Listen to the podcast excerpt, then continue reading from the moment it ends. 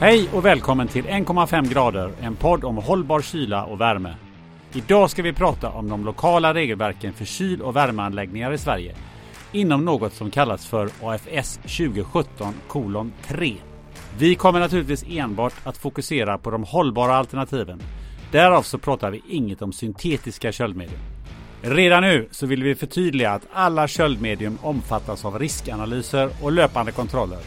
Inte bara de naturliga köldmedierna. Således, syntetiska köldmedium kräver även de årlig läckagekontroll och köldmedierapportering. Beroende på mängd så kan man behöva kontrollera läckaget en till tre gånger per år. Men allt detta kommer vi reda ut med hjälp av en riktig expert. Om några minuter så kommer du nämligen att få träffa Benny Hoff från Decra.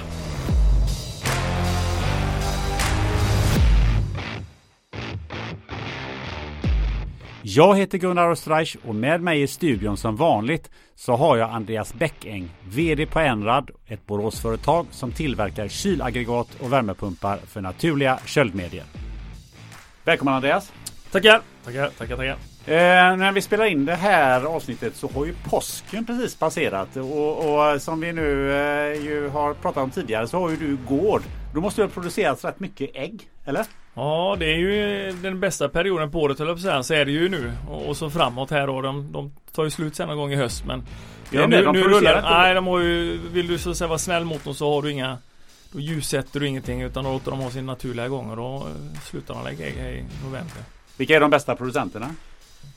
Tänker du producenterna vad? På vilket Av sätt? ägg? Nej, det är frågan om. Jag har ju mina egna ju. Så att de är ju mina bästa producenter. Det är de vi lever på. Men du har lite olika sorter eller? nej, nej, nej, nej. Jag har genbank. Så att jag har en, jag har en exklusiv skara. Jag har genbank med eh, genbank med gammalsvenskt dvärghöns. Är det stora eller små ägg och sådana? Det är små kan man säga. Det här är med att de är dvärghöns. Det kommer Ostindiefararen. Vi ska inte dra hela den historien. men, men, och hit då. Eh, och eh, det är ju dvärgägg också kallar vi det. Eh, De ligger på ungefär 35 gram. Så jag brukar säga det går, eh, det går tre sådana på, på två vanliga helt enkelt. Så att eh, man får knäcka lite mer helt enkelt. Men de är naggande goda? Ja det är ju så. Ja, ju det är fantastiskt. Ja. Då, då kan man ju undra så här, finns det några regelverk hur man ska hantera den här speciella rasen? Det kan man säga. Nej, inte regelverket. Du har ju Jordbruksverkets regler du ska följa. Där måste du ha mycket, tillräckligt mycket yta och du ska ha vad eller eh, vad de får vistas och det ena med det andra. Och det kommer ju restriktioner där ibland. Det är ju mycket fågelinfluensa tyvärr. Eh, Då får man ju inte släppa ut dem. De går ju fritt annars. Men det, det funkar ju inte. Så att det finns ju regelverk. Och sen har man ju regelverk för att det är en eh, genbank. Och då ska man ju rapportera in varje år. Och det är vikt och det är hur mycket ägg de lägger och det är vad äggen väger. Och, så att regelverk har vi även där. Mm. Precis för, som idag. För precis som Ja. idag. För regelverk är det vi ska prata om eh, just idag. Och Andreas, vad är det för regelverk vi ska snacka om?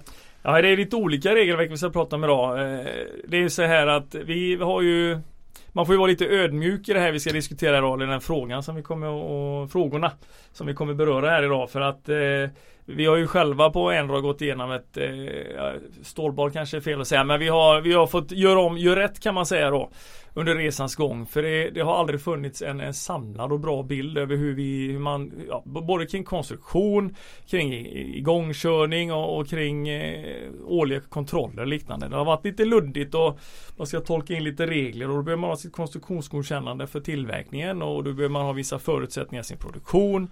Eh, och sen kommer du ut till installationen och då har du vissa grejer som ska göras där. Och sen är det likadant eh, vid- i samband med årlig kontroll och service att då har man vissa grejer som ska göras där. Eh, och då har vi ju en, en tredjepart som vi jobbar med i det här fallet är det ju Dekra då. Och då kändes det helt naturligt, precis som köldmedlet ska vara. Att vi bjuder in då till, till en podd om just det här och diskuterar det idag. Och vi fokuserar ju bara på det får vi säga direkt då att vi, vi diskuterar bara kring de naturliga köldmedlen, vad det är som, som gäller för att eh, allt annat är helt ointressant och eh, Jurassic Park eh, vad gäller syntetiska köldmedel. Så att det är bara fokus på, naturligt här idag då. Men eh, innan vi släpper in eh, vår gäst här så eh, Andreas, vad är det du ser fram emot mest att få, få reda på och diskutera idag? Ja nu ska jag inte vara, eh, jag ska inte sitta och vara självgod då. Vi, vi har ju tyvärr fått göra en hel del historiskt sett här vilket har gjort att vi har lärt oss eh, kring vårt eget köldmedel som då eh, propan då, och propen. Eh, så där känner vi oss väldigt trygga och eh, men vi känner att man märker ganska tydligt att, att eh, kunskapsnivån är väldigt låg där ute. Och framförallt, nu kanske inte vi har med alla de som lyssnar för vi hoppas ju konsulter och installatörer med oss. De har ett ansvar också att kunna sitta på den här kunskapen och förmedla den vidare. Men det är ju faktiskt så att de som har huvudansvaret för det här, det är de som äger grejerna. Och de eh, får vi väl hoppas att en del lyssnar på den här podden. Men det är ju faktiskt de som, som ska känna till det här. För det är de som slutligen kommer att stå där med, med eh, ansvaret för att det här görs på rätt sätt då. Och till vår hjälp så har vi naturligtvis bjudit in en gäst, en expert, nämligen Benny Hoff från Decra. Och eh, du är besiktningsingenjör och seniorinspektör. Hur blir man, hur blir man det? Ja, det blir man väl om man har hållit på sedan 1988 i branschen kanske. För det är det jag har gjort. Du sa också till mig i ett, ett uppsnack att eh, jag är ingen kylexpert. Men du är expert på? På eh, tryckkärlsregler, eh, standarder, föreskrifter, direktiv och så vidare. Och eh, kanske också tillverkning och tillverkningsmetoder och, och regler kring tillverkning då. Eh, jag har ju jobbat och jag har ju besiktat en del kylanläggningar men, eh, under åren men eh, jag, jag kallar mig absolut inte expert inom det området. Då blir vi lite nyfikna på vad Dekra är för ett bolag. Dekra är ett internationellt TIC-bolag. I vår bransch så benämns de stora företagen som TIC. Det står för Testing, Inspection and Certification. Och eh, vi är eh, cirka 45 000 medarbetare. Finns i drygt 60 länder på alla kontinenter. I Sverige så eh, håller vi på med kan man säga tre huvudsakliga uppgifter. Många känner säkert till bilbesiktning. Dekra Automotive som vi heter där som har bilbesiktningsstationer lite här och var över hela landet. Eh, och sen så finns det en liten konsultverksamhet som eh, hjälper till med eh, arbetsmiljöfrågor, eh, kvalitetsfrågor, eh, både inom industrin och eh, inom fordonsindustrin. Då. Och sen vi då som, jag jobbar då på det företag som heter Dekra Industrial AB. Vi sysslar med säkerhetskontroller, eh, inom eh, tryckkärl, eh, hissar, eh, lyftanordningar. Vi sysslar även då med all form av oförstörande provning såsom röntgen och sånt här och ja, massa andra saker. Ni kallas ju för Notified Body. Eh, mm. Och det tror jag nog vi är lite nyfikna på. Vad är det för någonting?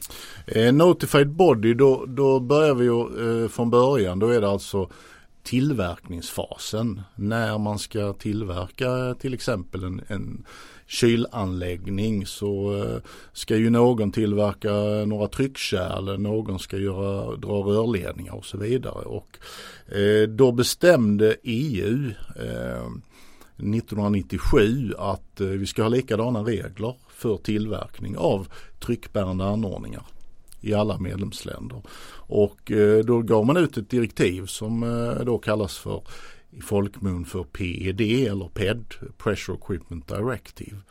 Och eh, eh, beroende på hur farligt man anser att eh, de här anordningarna är så ibland får tillverkaren göra alla kontroller själv men ju farligare de anses vara desto mer inblandning blir det av en tredjepart och de kallas då i eh, PED för Notified Body eller på svenska anmält organ. Vi, vi är då tredjepartsorgan då och vi är då som det heter akkrediterade av Swedac som ju många i kylbranschen känner till för de är själva akkrediterade då till exempel för tryckprovning med gas då. Och då ska vi eh, kasta oss in i eh, regelverket till att börja med hos eh, tillverkarna. Eh, vad, vad för typ av regelverk, lite mer övergripande, är det som gäller hos tillverkarna för, för kyl och värmeaggregat? Ja, det är, jag tycker det är väldigt enkelt. Eh, det är ju bara ett, eh, i Sverige, ett litet orange häfte eh, som ges ut av Arbetsmiljöverket och som då heter AFS 2016 kolon 1. Och det är en direkt översättning av det här direktivet PED, Pressure Equipment Directive. där finns allting om klassning. Hur farliga är de här sakerna som tillverkas? Vem får lov att göra olika typer av kontroller? Och hur ska man, hur ska man konstruera och tillverka de här sakerna?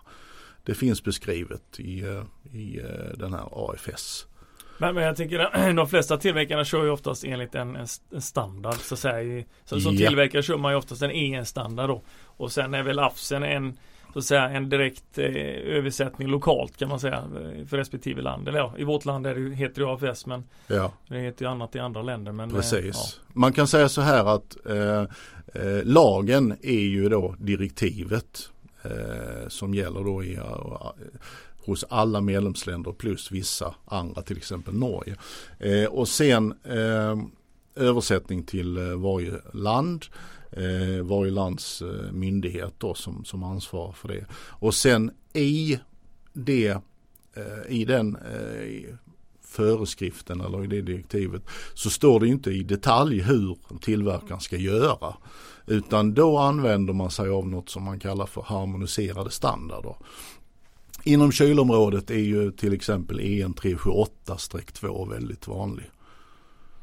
Men eh, eh, vad är det ni kontrollerar om ni till exempel kommer ut på, på Enrad? Vad är det för någonting ni kollar på?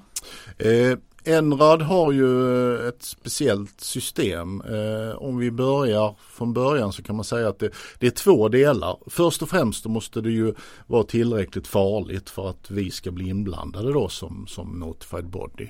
Och det finns ju då gränser i eh, direktivet för det. Eh, men eh, då kan man säga att om vi som, som i Enrads fall som ligger i högsta eh, kategorin då. Eh, det vi kontrollerar det är två, två delar. Dels är det konstruktionen.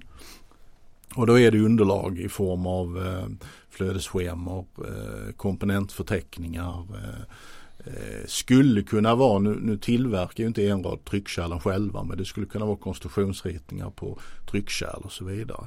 Ja det blir, ändå, det blir ju ändå ritningar så det blir ju egentligen all typ av dokumentation. Den ska ju även manualer och alltihop ska ju också så ja. säga in i det här för att det ska, man ska se att konstruktion och manual eh, hänger ihop ja. med varandra. Allt det, från riskanalys till exakt. bruksanvisning och så vidare. Omfattande ett väldigt omfattande arbete kan man säga. Och den andra delen är? Den andra delen är då själva tillverkningen, den praktiska delen. Och då kan man ju om man inte gör så många sådana här eh, tryckbärande anordningar så kan man ju välja att eh, de kallar oss varenda gång till verkstaden. Men i eh, Enrads fall så tillverkar ju de hela tiden på löpande band så då har de istället valt någonting som kallas för modul D som egentligen är eh, ungefär en eh, certifiering enligt ISO 9001 kvalitetssystem. Där vi går igenom hela deras system och vi tittar på kompetensen hos de som ska utföra de här kontrollerna. För egentligen är det ju vi som ska utföra kontrollerna men nu lägger vi det i eh, händerna på, på eh, tillverkaren istället och då måste vi förvissa oss om att eh, de har både resurser och befogenheter och kompetenser att göra vårt jobb så att säga. Så att i praktiken så eh, blir det då en certifiering och sen blir det i normalfallet, i alla fall för, för eh, den här kunden så blir det besök två gånger om året där vi eh, kollar vad som är gjort och ser så att de har skött sig och har de gjort det så, så förlänger vi eh, det här. Eh, men personalen hos tillverkarna, vad, vad, är det för speciell kompetens som de behöver? Dels är det ju då, det beror ju på vad de gör, men, men ofta så kanske man löder eller svetsar rörledningar och då Eh, Eh, kommer det ju ganska snabbt in eh, på, alltså det är trycket på eh, maxtrycket i rörledningen multiplicerat med diametern som sätter gränsen hur farligt det är då. Men ganska snabbt så kommer man ju oftast in att de som svetsar eller löder ska ju då vara certifierade. De ska alltså avlägga prov som då vi övervakar och eh, gör viss oförstörande provning på och visuell kontroll. Och eh, är allting bra då så får de eh, lödaren eller svetsaren ett certifikat. Och sen gäller det då i två eller tre år beroende på hur man gör va? och sen ska det förnyas då.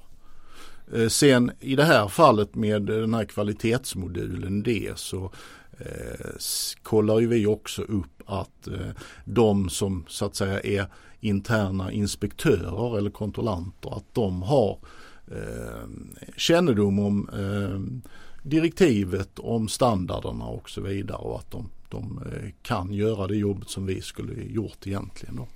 Och I vårt fall är det ju så tryckprovning helt enkelt det handlar om, alltså som ska utföras. Så då har vi egentligen gjort så att man får ju se till att alla har eh, kännedom och kunskap om det. Då har vi kört lite, vi har haft utbildningar från externa eh, kurser då. Så att alla har fått en, en, en kurs inom PED och sen gäller det att ha rutiner och eh, framförallt utrustning också runt omkring. Eh, enligt kravet. Det är inte bara att testa, du ska ha viss utrustning och så att det är inte bara kompetens du behöver ha avgränsade ytor och liksom eh, ja, mm. vissa sätt att hantera det på enligt, enligt boken också då. Manometrarna ska kalibreras ja, och så vidare. Men hur ser det ut eh, allmänt sett hos eh, tillverkarna när det gäller kompetensen? Var, var finns de vanligaste bristerna? Om vi tittar på tillverkarna i form av att, jag tänker inte installatörer nu utan jag tänker tillverkare. Så det, det skiljer nog ganska mycket. Ehm, en del tillverkare är väldigt pålästa, har personer som är experter då, även på regelverk, medan andra eh, har nog en del, en del brister då. Eh, även, även installatörsledet som vi ska prata om senare, där, där finns det ju en del, en del brister. Tyvärr. Eh, jag vet Andreas att, att du har pratat om att, eh, att som tillverkare så är det ju eh, viktigt att att förenkla livet för, för det är fler parter som är inblandade fram till både när det gäller installation och de som, är, de som ska eh, föreskriva eh, olika typer av, av, anläggningar och så vidare. Hur, hur jobbar ni med det? Ja, det vi kommer att snurra in lite på det sen också men eh, det jag tänker på just i det här sammanhanget är ju att det som är man är så noga kontrollerad och det är så mycket kvalitetsarbete runt omkring det här. För det finns ju en eh, av, av så att säga traditionella skäl antagligen. Historiska skäl så är det alltid de, de naturliga köldmedlen då. Eh, det är alltid lite farligt tycker man då. Som vi, det är brännbart och det är CO2 har höga tryck och är syreunderträngande och, och ammoniaken är giftig också i viss mån brännbar. Men det är ju rätt, man ska ju komma ihåg det då att det här finns ju massa De här reglerna vi pratar om idag det är ju till för liksom att man ska hantera det på ett väldigt säkert sätt Och det är det vi haft uppe där många gånger innan alltså att eh, tittar man på hur gemene man hanterar sina gasolflaskor både till husbilar och grillar och liknande så, så är det här, det här är ju något helt annat. Eh, och det är oftast väldigt små fyllnadsmängder i förhållande till, till de här andra delarna då, och det är så mycket säkerhetsbitar då. Eh, och då gäller det att konstruera maskinerna utifrån eh, på ett sätt som gör det enkelt sen för, för eh, ägaren av det då. För de kommer vi också prata med dem. Ägarna har ju så att säga ansvaret som vi sa inledningsvis. Eh, och då gäller det att, att, bygga det på ett sätt så att det blir väldigt lätt sen när man ska hantera det med årliga kontroller och även vid installationen. Då. Så att det finns vissa bitar där, jag tänker vi kommer till dem sen eh, lite närmare. Eh, men det är liksom konstruktionsgrejer helt enkelt att alla ska göra riskanalyser och då kan man som vi i vårt fall, vi har en tryckdifferensvakt, liksom vi mäter under trycket. På det viset kan kunden alltid försäkra sig om att det finns ett luftflöde genom aggregatet. Eh, en sån del.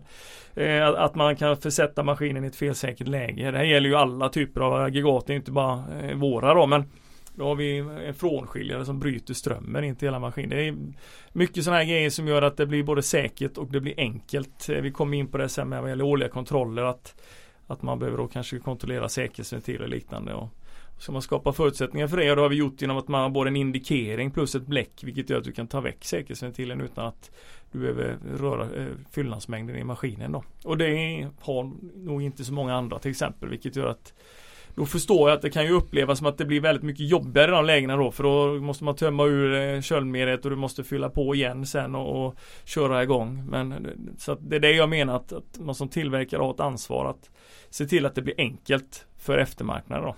Och sen har vi också en annan grej som som tas upp för lite det är att det är ju kompetensen där ute är ju inte eh, Vi kommer in lite på det här med installatörsleden men som tillverkare gäller också att göra det enkelt då för att eh, det får inte ta för mycket tid. Vi har en, en, eh, en bransch där det råder kompetensbrist och framförallt det är brist på på, på armar och ben eller så det, det saknas eh, mycket folk och då gäller det att de grejerna vi ska nyttja där ute de ska ju vara så förenklade som möjligt så att det går åt så lite tid som möjligt eh, när man ska jobba med dem på, på eftermarknadsbiten. Då.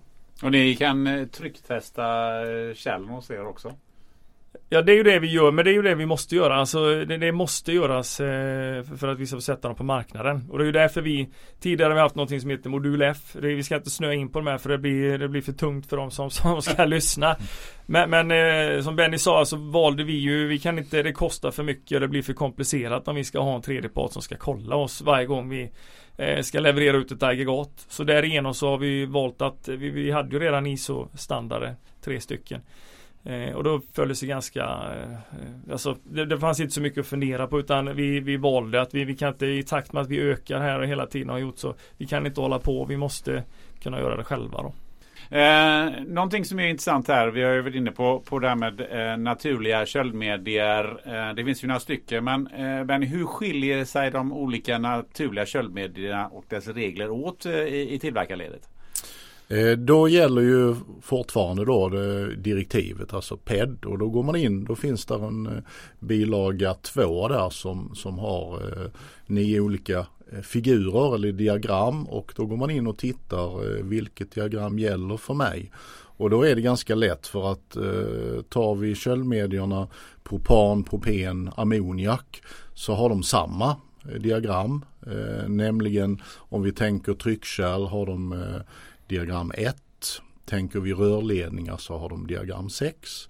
Eh, medans CO2 eh, betraktas inte som lika farligt eh, från eh, EUs sida utan då hamnar de istället för diagram 1 för tryckkärl i diagram 2 respektive diagram 7 för rörledningar. Och enkelt sett så kan man säga eh, tryckkärl, det finns en gräns då på trycket gånger volymen i barliter och eh, pratar vi propan, propen, eh, ammoniak så är den gränsen 200 barliter.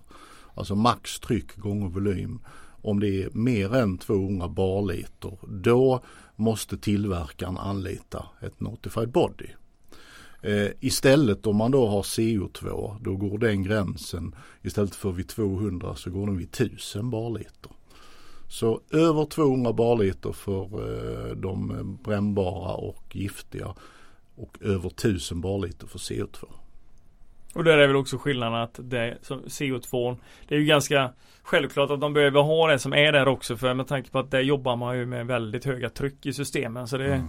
hade ju blivit rubb och stubb om man ner på minsta eh, applikation annars så att det är Precis. rätt självklart att det blir en Måste dela upp det nu har vi pratat tillverkning men vi ska installera de här fantastiska maskinerna eh, ute hos kunden. Eh, och eh, då undrar jag Benny, vad, vad finns det för, för föreskrifter kring just installation? Mm. Då lämnar vi eh, PED, direktivet, för att eh, det gäller ju bara under tillverkningsfasen fram till och med att tillverkarna har CE-märkt. Eh, och då säger EU så här att eh, när det gäller eh, installation och eh, drift, underhåll och så vidare så eh, kan inte vi sätta upp regler utan det får varje land göra.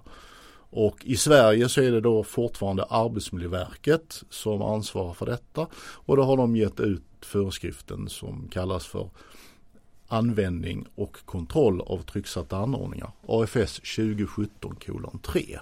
Så det är den som gäller både i installationsfasen och sen om vi pratar årlig kontroll och så vidare.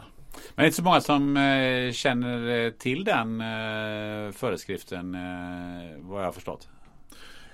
Eh, det finns luckor i, eh, i kylbranschen helt klart. Det, det, det märker vi eh, när vi är ute och besiktigar då. Va? Vi får frågor från kyltekniker och så vidare. Va? Så, Ja vi får inte glömma alltså det är ju även vi pratar både kyla och värme här så att det finns ju faktiskt en hel del VVS-företag och de om något borde också alltså kyltekniska företag har ju oftast ändå de har ändå en hyfsad kompetens fast de många gånger så brister de just när det gäller den här biten. Men om vi pratar på VVS-sidan så är det ju skulle jag säga betydligt sämre kunskapsmässigt kring just de här bitarna. Och de blir ju mer och mer också involverade i det här.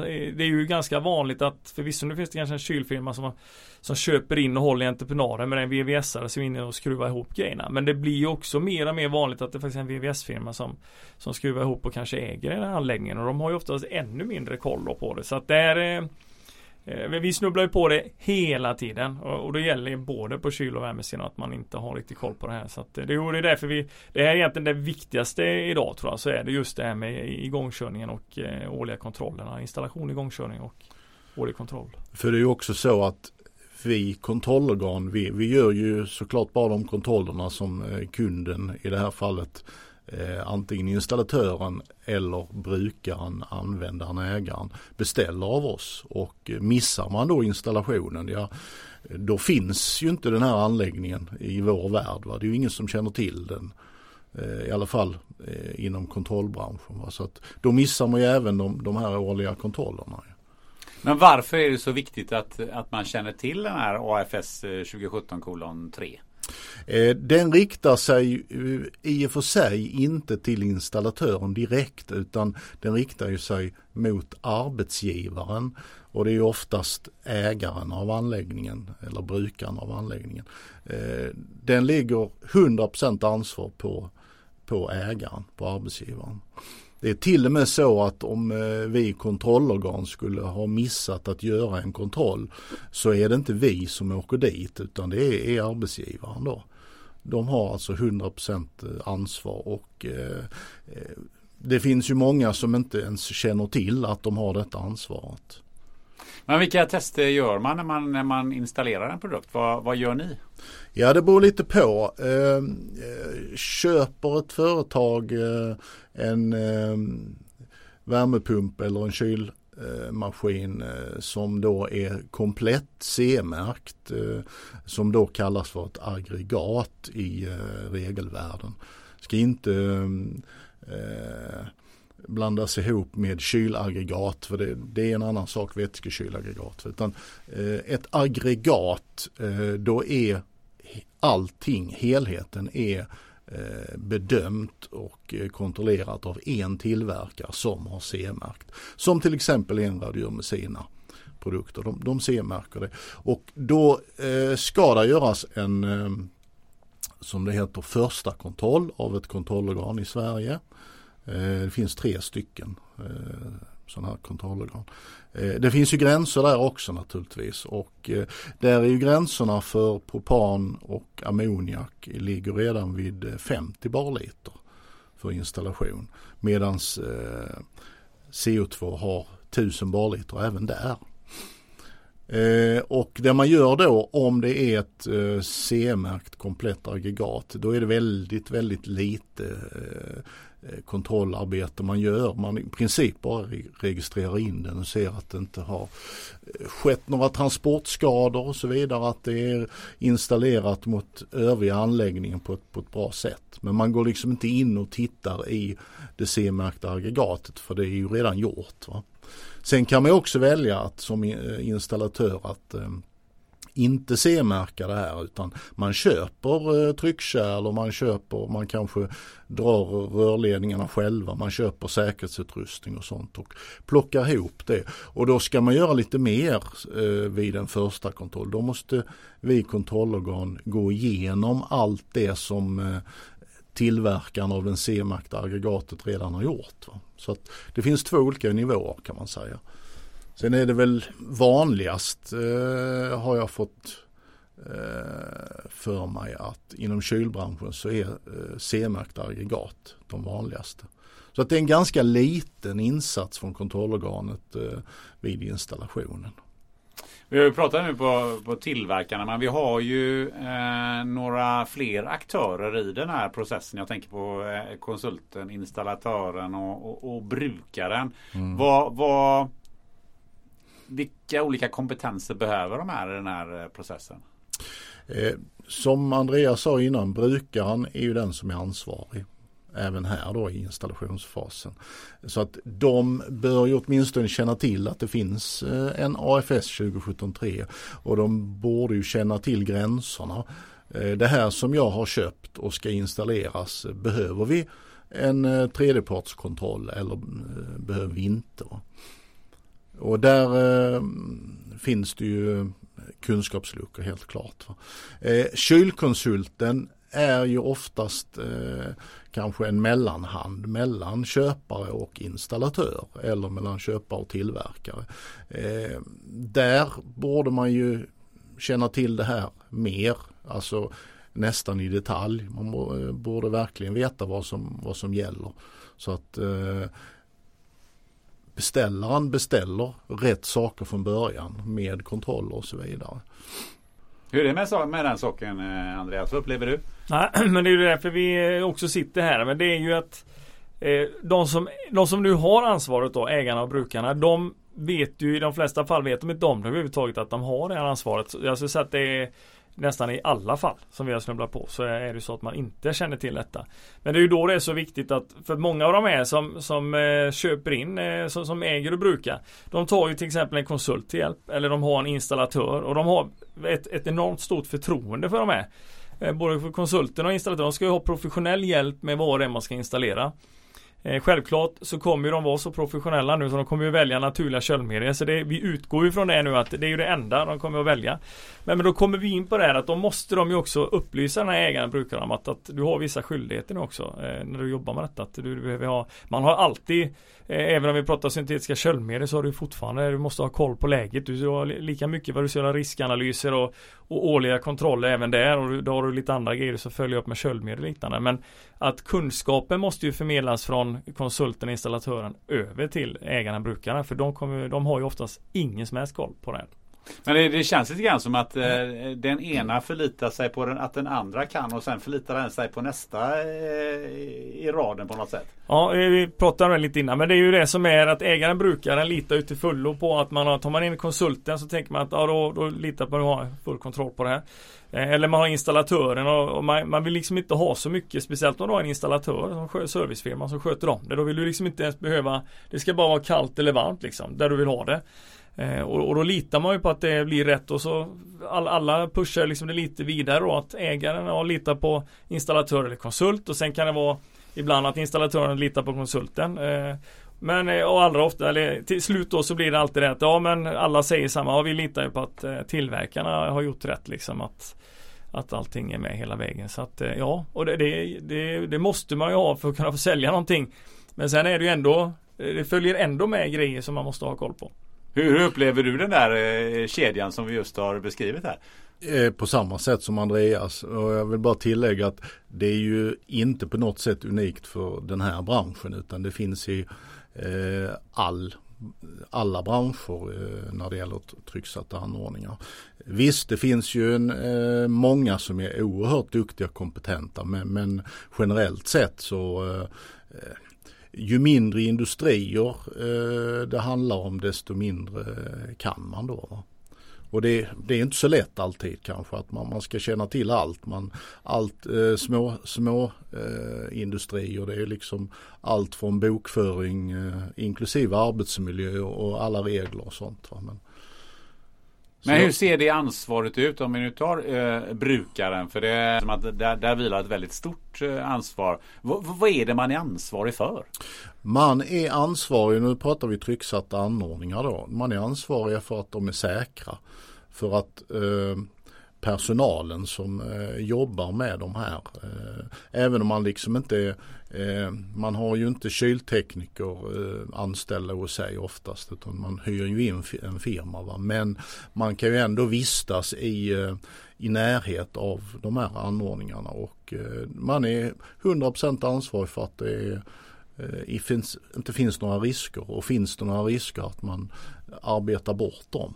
Alltså det är ju ren systematiskt arbetsmiljöarbete. Och det, det gäller inte bara trycksatta anordningar. Men hur, hur, ska man, hur ska man göra det här eh, så systematiskt eh, arbete? Vad, vad, vad, är det så att säga rent eh, praktiskt som, som brukare? Vad, vad är det man ska titta på? Det är det viktigaste?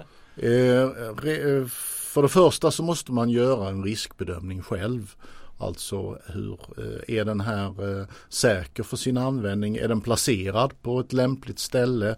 Eh, finns det folk som kan komma i närheten? Kan det då hända olyckor och så vidare? Va?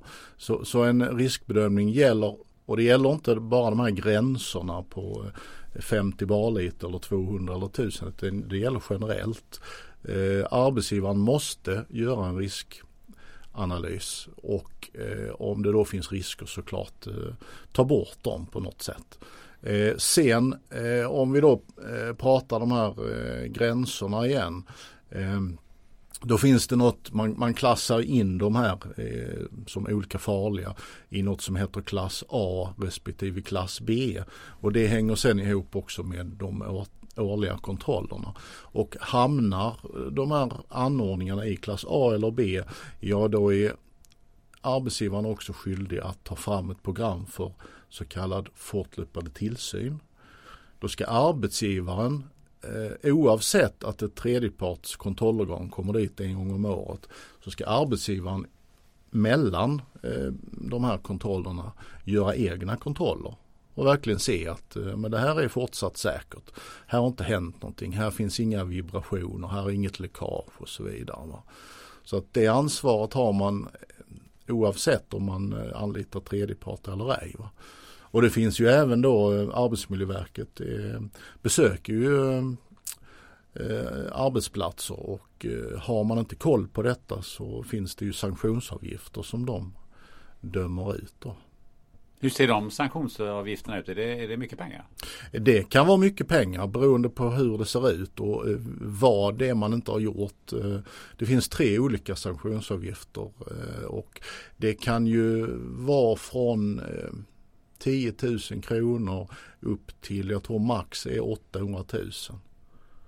Och det finns ju, jag har hört talas om någon eh, inom den här branschen som faktiskt har fått maxbeloppet. Så att det kan ju bli mycket pengar. Men då kan man ju undra lite grann så här. Eh, det är ju många små företag. Det eh, kan ju vara allt från ICA-handlare till, till småindustri. Och du var ju själv inne på det här att eh, de ska ha koll på bokföring och de som har koll på alla möjliga grejer. Mm. Men då måste ju de gå och fråga någon. För de, har ju, de kan ju omöjligen bedöma det själva. Vem är det de ska... inte fråga någon heller. För om, om inte det du inte vet frågar du inte om. Alltså det är ju det som är. Det är ju, du måste ju vända på den igen. Det är ju liksom de som säljer in det här bär, tycker jag bär det ansvaret att upplysa om det. Att, till beställaren slutkund att det här måste du göra nu. För jag, jag, vi har inte riktigt, eh, jag har inte riktigt snurrat in det men jag tänker att om man nu, eh, vad gäller igångkörningen här, jag tänker om man nu har köpt in eh, en anläggning som vi nu pratar till installatören och slutbrukaren här. Eh, så tänker jag bara Benny, hur blir det, hur är gången där nu då? Om vi säger att eh, nu har man köpt in sina grejer, det pågår en installation.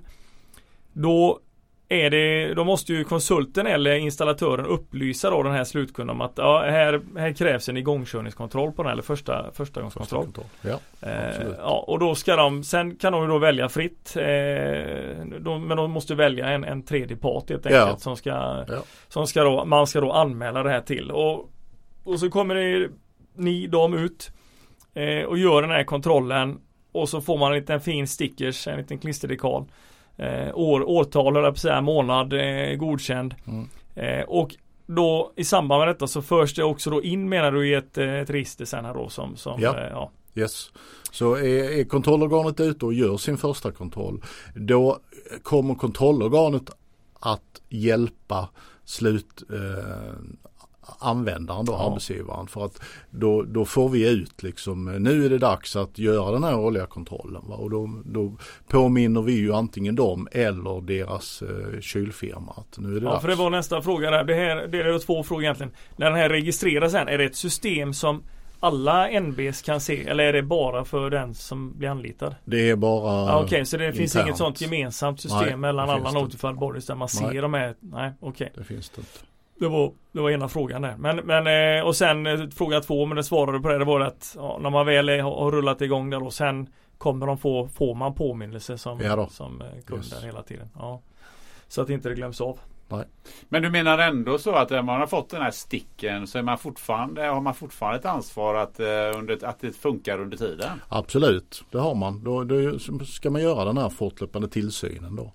Eh, sen är inte det eh, reglerat eh, omfattningen, vad man ska göra, hur ofta man ska göra kontrollerna. Utan det bestämmer man helt själv. Men man måste ändå ha ett system som arbetsgivare för att visa att man, man gör någonting mellan eh, tredjepartskontrollerna. Men om man då tänker eh, riskerna förutom att man får böter. Eh, vad, vad, är så att säga eh, de riskerna man löper om man inte sköter anläggningen ordentligt? Det allra värsta det är ju om det händer en olycka. Eh, då kommer ju Arbetsmiljöverket att komma ut och är det svårt skadad eller eh, till och med eh, dödsolycka då kommer ju polisen att utreda det och då kan ju den ansvariga åka i fängelse. Det är det värsta så att säga. Man kan också förutom sanktionsavgift eller istället för sanktionsavgift så kan ju Arbetsmiljöverket stanna, stoppa anläggningen. Det är också mer, nästan mer kännbart än, ja. äh, än själva böterna känns precis, det precis. Men vad, vad är de vanligaste bristerna som, som ni ser när ni kommer ut? Eh, ja om vi tittar om vi, om vi eh, är kvar vid installationen så Eh, den, den, vanligaste bristen är ju brist på kunskap. De vet inte ens om att den blir aldrig ska... anmäld överhuvudtaget. Nej, den det blir där inte det ligger. Ja, det... Precis. Jag bara, finns det någon uppskattning på det här? Är det någon som har uppskattat hur? För jag skulle gissa utifrån det jag under de här åren vi hållit på med det att eh, när man ser vad som finns där ute eh, Finns det någon uppskattning på liksom hur mycket är det som faktiskt inte är Nej, eh, jag har frågat runt i eh, både internt på Dekra och hos andra kontrollorgan och eftersom vi inte, vi känner inte till de där som borde varit besiktigade så eh, nej vi, vi kan bara säga att det finns ett väldigt stort mörkertal. Ja, ja, ja. Men vem, vem ska eh, få bort det här mörkertalet? Vem, vem, är det, vem är det som borde hjälpa dem? Ja, det i första hand håller jag med Andreas, det borde ju vara installatören. Men då måste installatören utbildas. Eh, och eh, ofta så kan man ju börja kanske med högskolorna där, där det finns en kylteknikerutbildning. Och jag har frågat runt lite och med eh, rätt så nyutexaminerade kyltekniker de går ju inte igenom AFS-erna där. Va? Så det är kanske där man måste börja. Så att personalen hos installatörerna och kylfirmorna eh, de behöver inte kunna detaljer men de ska i alla fall eh, känna till de här gränserna. Att ja men här måste vi nog göra en, en eh, tredjepartskontroll. Grejen är väl mer att, att eh, kunskapsdelen eh, här den den släpar ju hela tiden i förhållande till det som sker på marknaden och eftersom det nu Eh, vi tittar på en, en tillskruvad F-gasförordning till exempel som ska trycka liksom hela branschen ännu mer mot, mot naturliga köldmedier. Vi har eh, nästa steg till sommaren då med, med eh, angående HFO nu då. De vill försöka få in dem på REACH-listan på grund av, eh, av PFAS och TFA. Så trycker man ju den här branschen väldigt snabbt över i den här riktningen och då är det ju så att saknas kunskapen då så blir det ju ett ganska stort glapp där i den här övergången när, när det går så pass fort på med förändringarna på marknaden. Men eh, själva branschen i övrigt eh, har man inte riktigt fått med sig det här då så att det är ju eh, det, det, är ju inte återigen tillverkarna måste förmedla vidare för som tillverkare vet man ju att man eh, vad det är man gör och vad det innebär vilket man får förmedla vidare till de som köper det. Och sen får man ju se till att, att de då också hjälper till att förmedla det till de som faktiskt ska äga det också. Eh, men om vi pratat eh, en hel del om, om, om första kontrollen och, och också om, om, olika ansvarsområden. Men det här med den årliga eh, kontrollen, vad, vad innebär, innebär den lite mer i detalj? Eh, det innebär ju egentligen att eh, beroende på hur farliga de här eh, anläggningarna är då så, så ska det göras en eh, återkommande kontroll och det är ju även där AFS 2017-3 som, som styr det. Eh, och eh, då kan man säga att den eh, delas in i eh, två saker. Eh, normalt sett för andra, andra trycksatta anordningar så är det tre saker för då tittar man invändigt i tryckkärl och sånt men det gör man inte i kyl och värmepumpsbranschen. De har ett generellt undantag för det. Utan det är någonting som kallas för driftprov och eh, i normalfallet så är det att man eh, provar säkerhetsventiler. Man provar kanske kompressorns högtrycksvakt och så vidare. Eh, och det ska ju då göras av, av kontrollorgan, alltså tredje part. Eh, och varför det är ett år, det är egentligen, jag höll på att säga det är Arbetsmiljöverkets fel, men det var så här att eh, innan när man höll på med arbetet om den senaste AFSen 2017-3 så eh, ville man från kontrollorganens sida och in statistik på eh, vad såg vi för problem, vad såg vi för skador eh, när vi gjorde våra återkommande kontroller. Och då var det, visade sig så att eh, på den tiden fanns det fyra kontrollorgan. Samtliga kontrollorgan hade en överrepresentation när det gäller dåligt fungerande säkerhetsventiler i kylbranschen. Eh, tidigare så låg, var det bara ammoniak eh, som hade ettårsintervall. De andra de hade treårsintervall. Men då tyckte Arbetsmiljöverket att baserat på den här statistiken så måste vi ju eh, måste vi ha tätare kontroller. Så att det eh, resulterade då i att det är för alla kylanläggningar och värmepumpsanläggningar som är klassade som särskilt farliga då eller tillräckligt farliga så är det ett års intervall på de återkommande kontrollerna. Så det är kontroll av säkerhetsutrustning och sen den andra delen som kallas för systemkontroll det är ju mer att man tittar visuellt och ser att allting ser bra ut. Men Andreas, eh, vad kan man då göra för att underlätta de här årliga kontrollerna? Och när de här kontrollerna sker så är det ju ibland man behöver byta ut ventiler och andra, andra grejer. Vad, vad är din syn på det? Ja, att det kostar ju mycket pengar. Va? De är ju dyra de här eh, personerna som kommer ut ifrån 3D-båtarna och casha in. Eh, och då vill man göra det så lätt som möjligt eh, när de är där ute. För det är ju, det är ju timdebitering Benny, va? Är det inte så? Eh, oftast är det oftast det. Är det, det. Mm. Ja, nej, och då gäller det ju förenkla. Och det gäller ju både då för att oftast eh, de fallen, alltså där vi har haft med våra kunder att göra, de, de är oftast med ihop med, eh, med eh, NB när man gör de här kontrollerna. Och det är klart att då tickar det ju två eh, timkostnader där helt enkelt då. Och då gäller det att göra det så smidigt som möjligt. Och det säger att man har kanske beskrivit i sin manual att man har hur, hur ska man göra exempelvis testa högtryckspressostaten. Att, att vad, vad, ställer du in, vad går du in och justerar värdet för att liksom trigga den tidigare så du kan se att det fungerar som det ska, att det stoppar. Eh, exempelvis eh, har du säkerhetsventiler, vilket man har i, i princip alla system. Eh, då är det ju att om den nu ska kontrolleras innebär det att då måste man ju plocka väck den. Eh, och det blir ju väldigt dumt då för då kommer ju köldmediet att, att fara ut liksom och så får du göra om eh, proceduren där och den blir ju väldigt kostsam. Så då får man göra antingen så som vi har gjort där vi har eh, både en indikerings Eh, Eh, ja, vi har en indikering, du ser om säkerhetsventilen är utsatt för tryck. Det kan ju hända att eh, de som är ute och besiktar eller gör kontroller tycker att ah, vi måste ändå kontrollera eh, säkerhetsventilen. Ja, då har vi i våra även ett bläck vilket gör att du kan skruva väck ventilen och så sätter du dit en ny så behöver det inte göras någon kontroll så är det Det går väldigt väldigt fort. Eh, eller så får man då om tillverkarna som har gjort det kanske välja att ha ett växelventil ställt på men det, det blir liksom lite tajt med utrymmet så att eh, vi har ju valt den lösningen som vi har för vi anser att den är bäst då. Och det är det jag menar med att man måste se till att underlätta för för slutkunden vilket eh, för, annars så drar det ju iväg eh, tidsmässigt då. Så det här går ju väldigt snabbt vid en kontroll att, att, att göra det här. Eh, både för NB'n och för tredjeparten och för kylfirman eller VVS-firman beroende på vem det är som har ansvar. Då.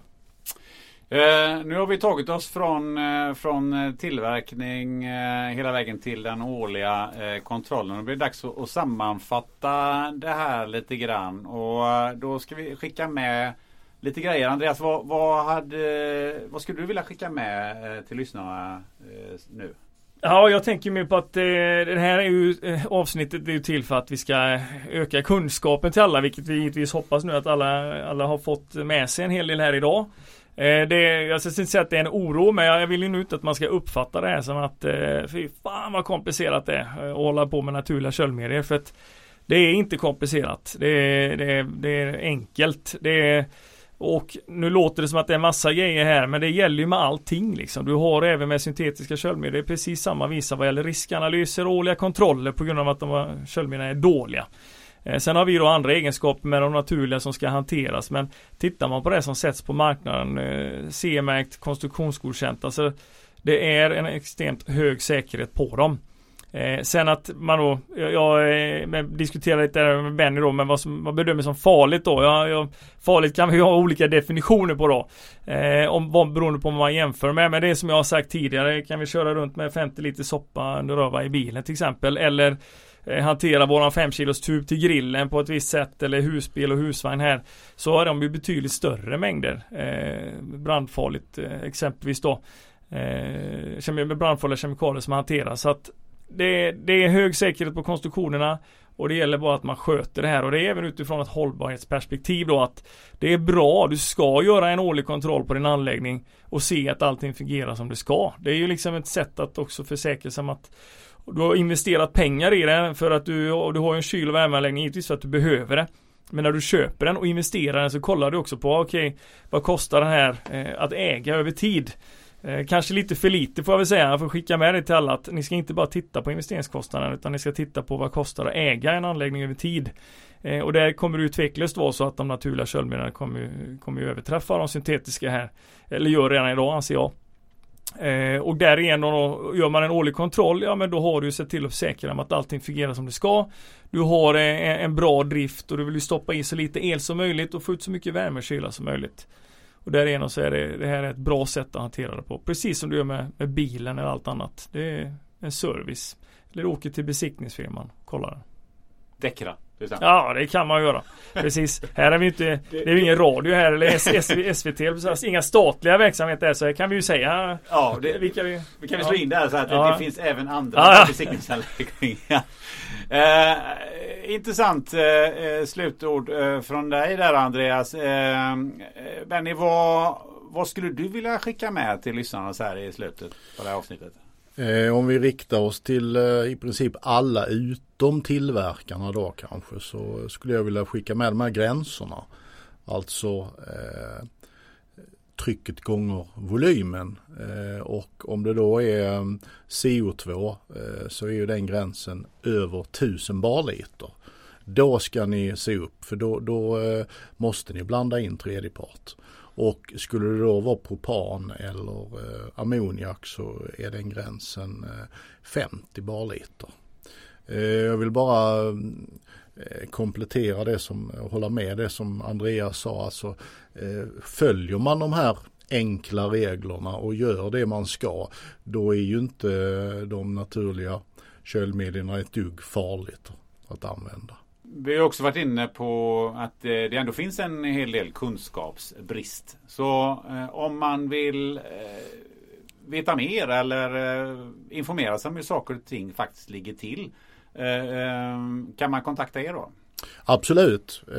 Det är ju Arbetsmiljöverket som har gett ut föreskrifterna, både då PEDen i Sverige respektive 2017-3. Men det är inte deras roll att utbilda parterna utan de förutsätter att är man arbetsgivare så ska man känna till alla regler. Va? Men eh, varför inte gå till de som jobbar med detta dagligen, det vill säga eh, oss kontrollorgan, DEKRA eller något av de andra två som finns. Mm. Härligt och bra eh, slutord. Så nu vet ni eh, allihopa vart ni ska eh, vända er. Eh, ett eh, stort, stort tack eh, Benny Hoff för att du ville gästa den här eh, podden och upplysa oss om eh, kring det här ämnet. Och stort tack Andreas för ditt bidrag idag. Intressant som vanligt. och tack till dig som har lyssnat. Hej då! Hej då! Hej!